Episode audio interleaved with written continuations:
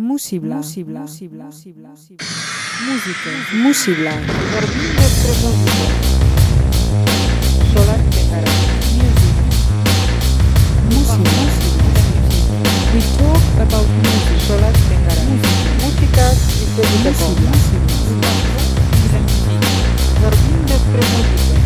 Música Solar Música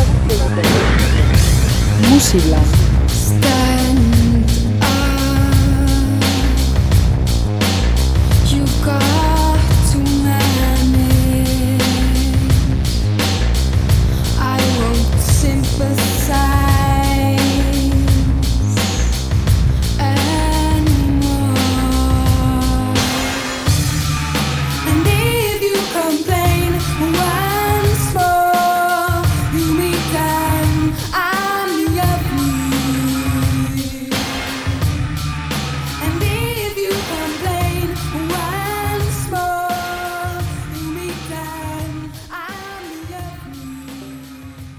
Kaixo lagunok, e, musibla saioan zaudete. Gaurko talde protagonista, Ibil Bedi.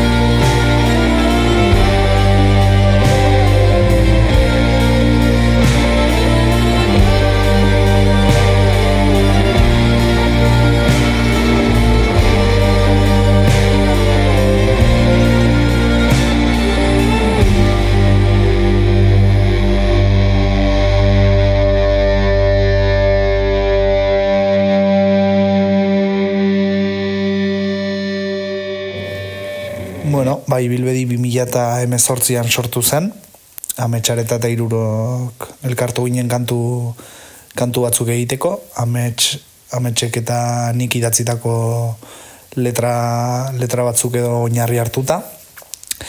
Eta gero Eder eta Javier batu ziren taldera, eta hori elkartu ginen. Hasieratik, bueno, ezagutzen genuen elkar denek, e, eta eta bueno, pixkanaka kantuak egiten hasi ginen, kontzertuak ematen, eta lehenengo disko atera genuen 2019ko ekainean, eta gero 2008 batean, e, bigarren disko atera genuen, Beltxarga Beltza, hor pandemia, pandemia garaian, eta hor ikusi genuen nolabait e, taldeak bazuela aurrera jarraitzeko e, bide bat edo, baina ez dugu inoiz ere pentsatu eh, asko ezagit eh, helburu konkretu batekin ez dugu musika egiten nolabait. Eh, musika egiten dugu maite dugulako eta eta horretan segitzen dugu. Disko horrekin beltxarga beltzarekin izan genuen eh, arrakastaka kotxen artean ulertua. Eta eta kontzertu asko eman genituen eta kontzertu asko egiteko aukera izan genuen eta gero hirugarren disko atera genuen aurten, apirilean.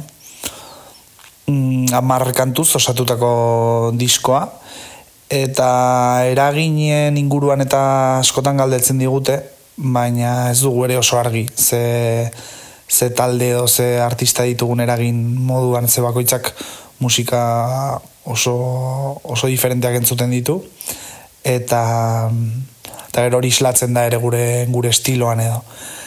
Letrak idazteko momentuan mai gauza pertsonali buruz kantatzen dugula batez ere, eta sentitze dugu batzutan hori horrek e, nolabait unibertsal bilakatzen dituela, ez? Hain pertsonala den zerbait kontatzen duzunean jendeak hartzen du eta bere egiten du, nolabait. Armairu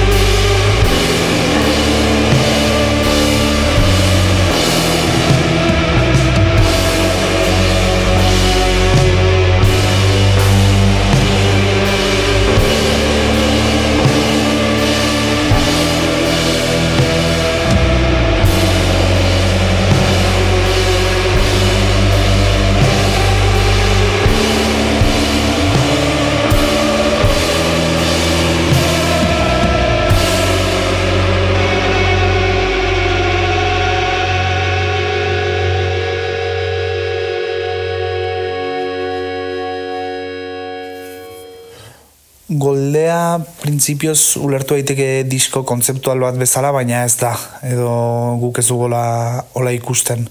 Eta gerora etorri da goldearen irudiaren eh, esanaia.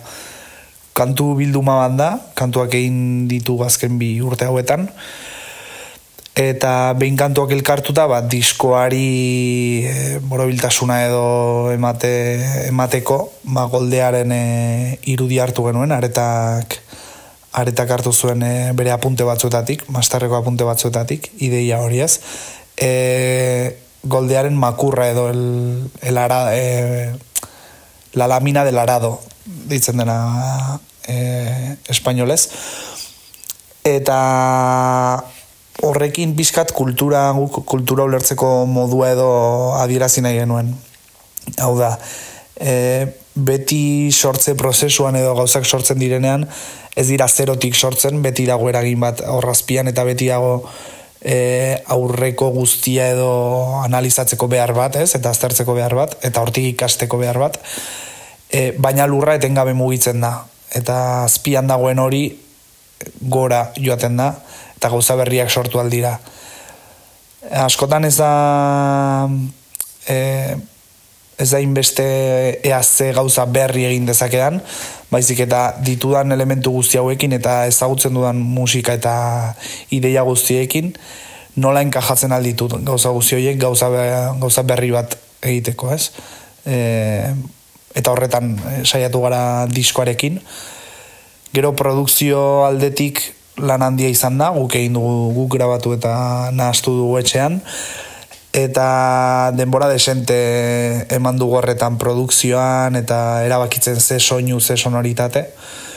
Nahiko disko iluna da aurrekoekin konparatuz, soinuari dagokionez, e, esango nuke letretan ez dela hain iluna, baina musikak nola baite iluntzen dituela letrak ere. Eta hori hori da bizkat.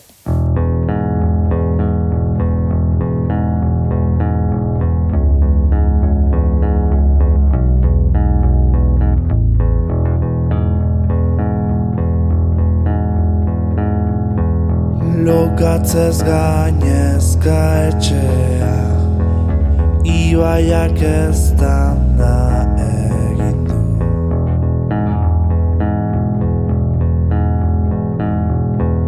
Ta gurea zen ardura Ibaiak gainezka egin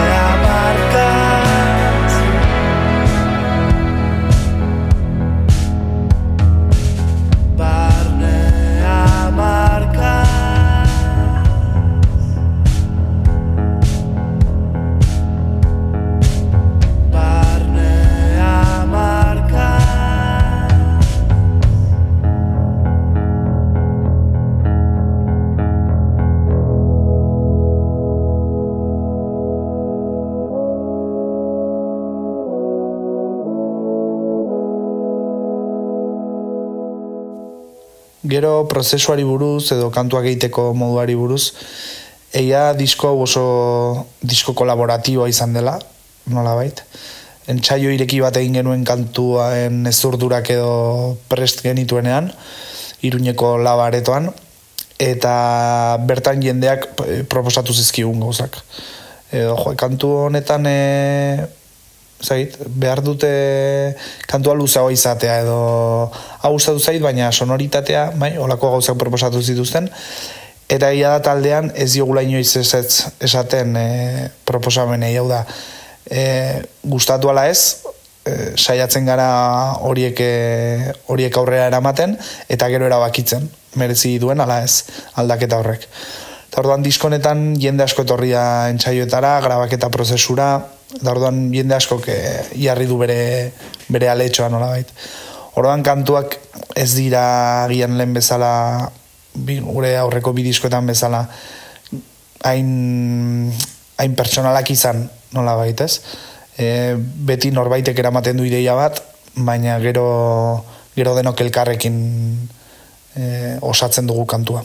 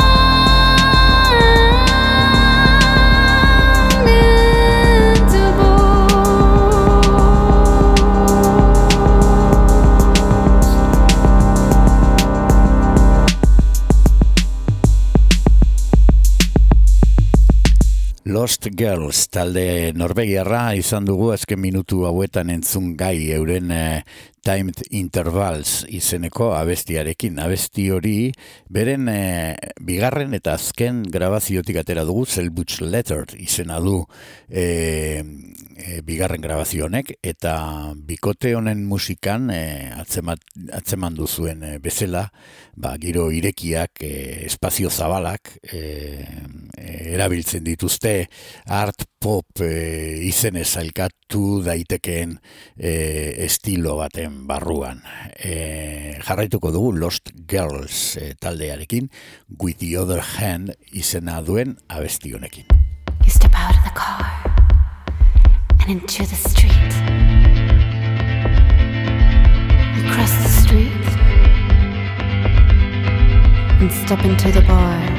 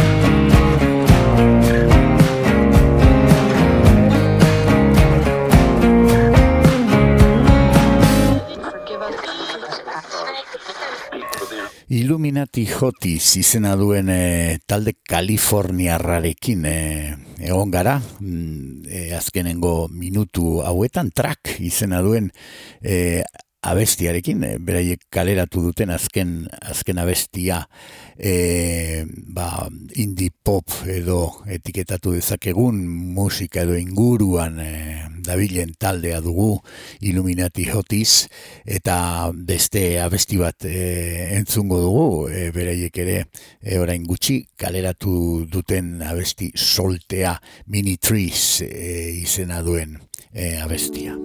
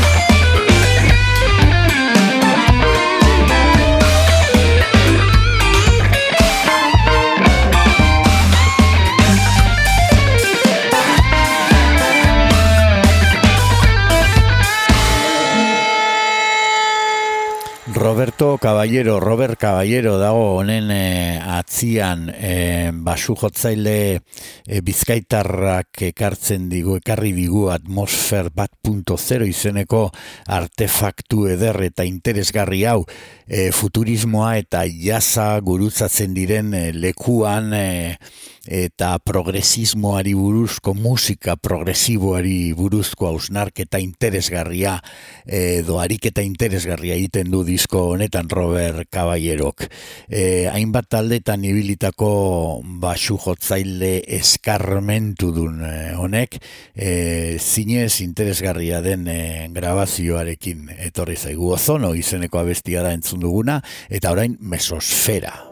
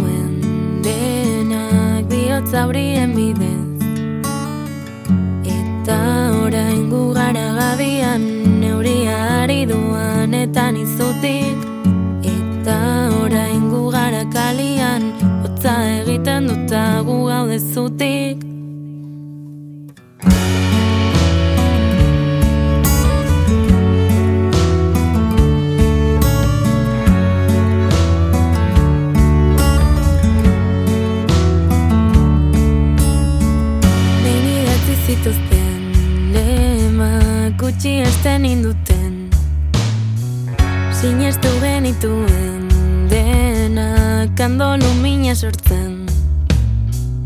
Eta orain gu gara gabian Izarrak bera datoz eta nizutik Estalita daude besteak baina Izarrak nire gana eta nizutik Zainu ezaguna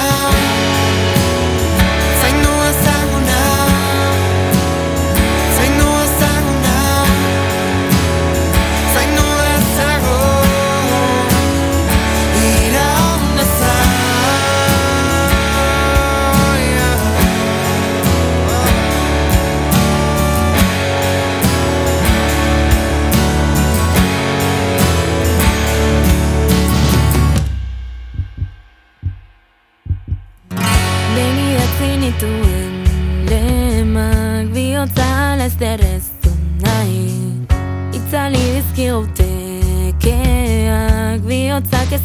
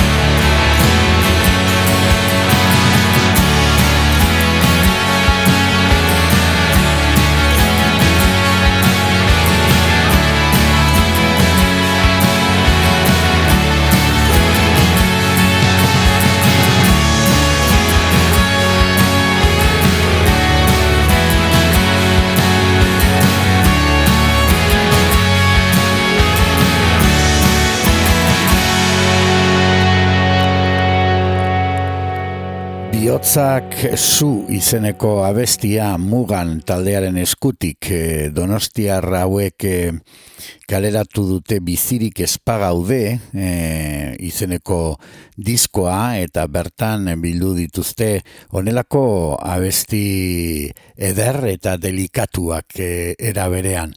E, mugan taldeak e, 2017an eman zituen bere lehenbiziko pausuak, baina oraingoan pauso sendoa egin dute. Grabazio hau e, kaleratu dutelarik. Bizirik espagaude e, izeneko izeneko. Hau bigarren abesti batekin goaz e, mugan talde honekin.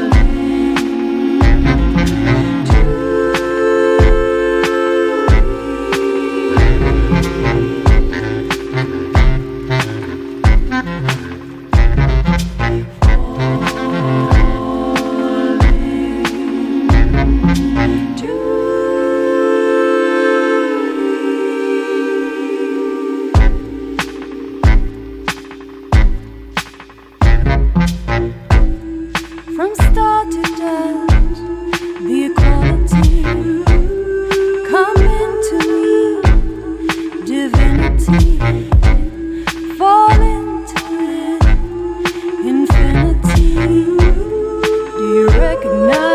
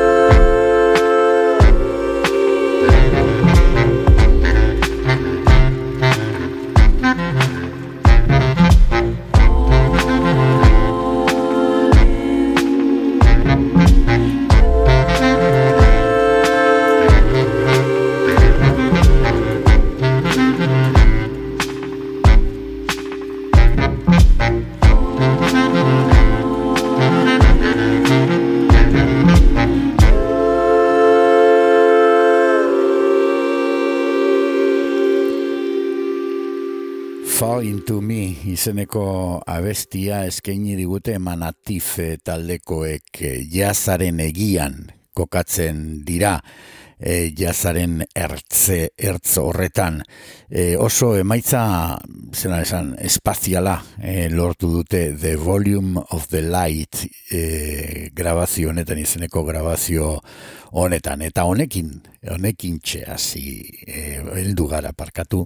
Gure azkenengo minutu hauetara eta emanatif taldeak emango digu e, edo emango dio bukaera gaurko musibla honi badakizue astero hemen gaudela eta gure podcastak ere e, ba, web horrian bil, bilbo iria irratiko web horrian e, atzitu ditzakezuela nahi duzuenean e, bada besterik ez emanatif taldearen e, e, the, the Volume of the Light izeneko grabazioarekin bukatuko dugu gaurkoz.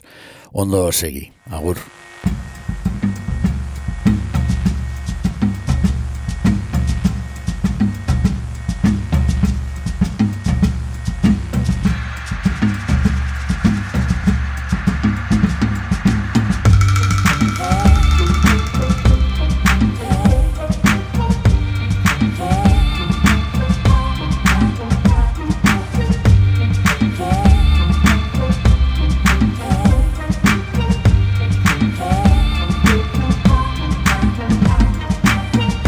I can't seem to get it, and in my mind I'm betting my time's made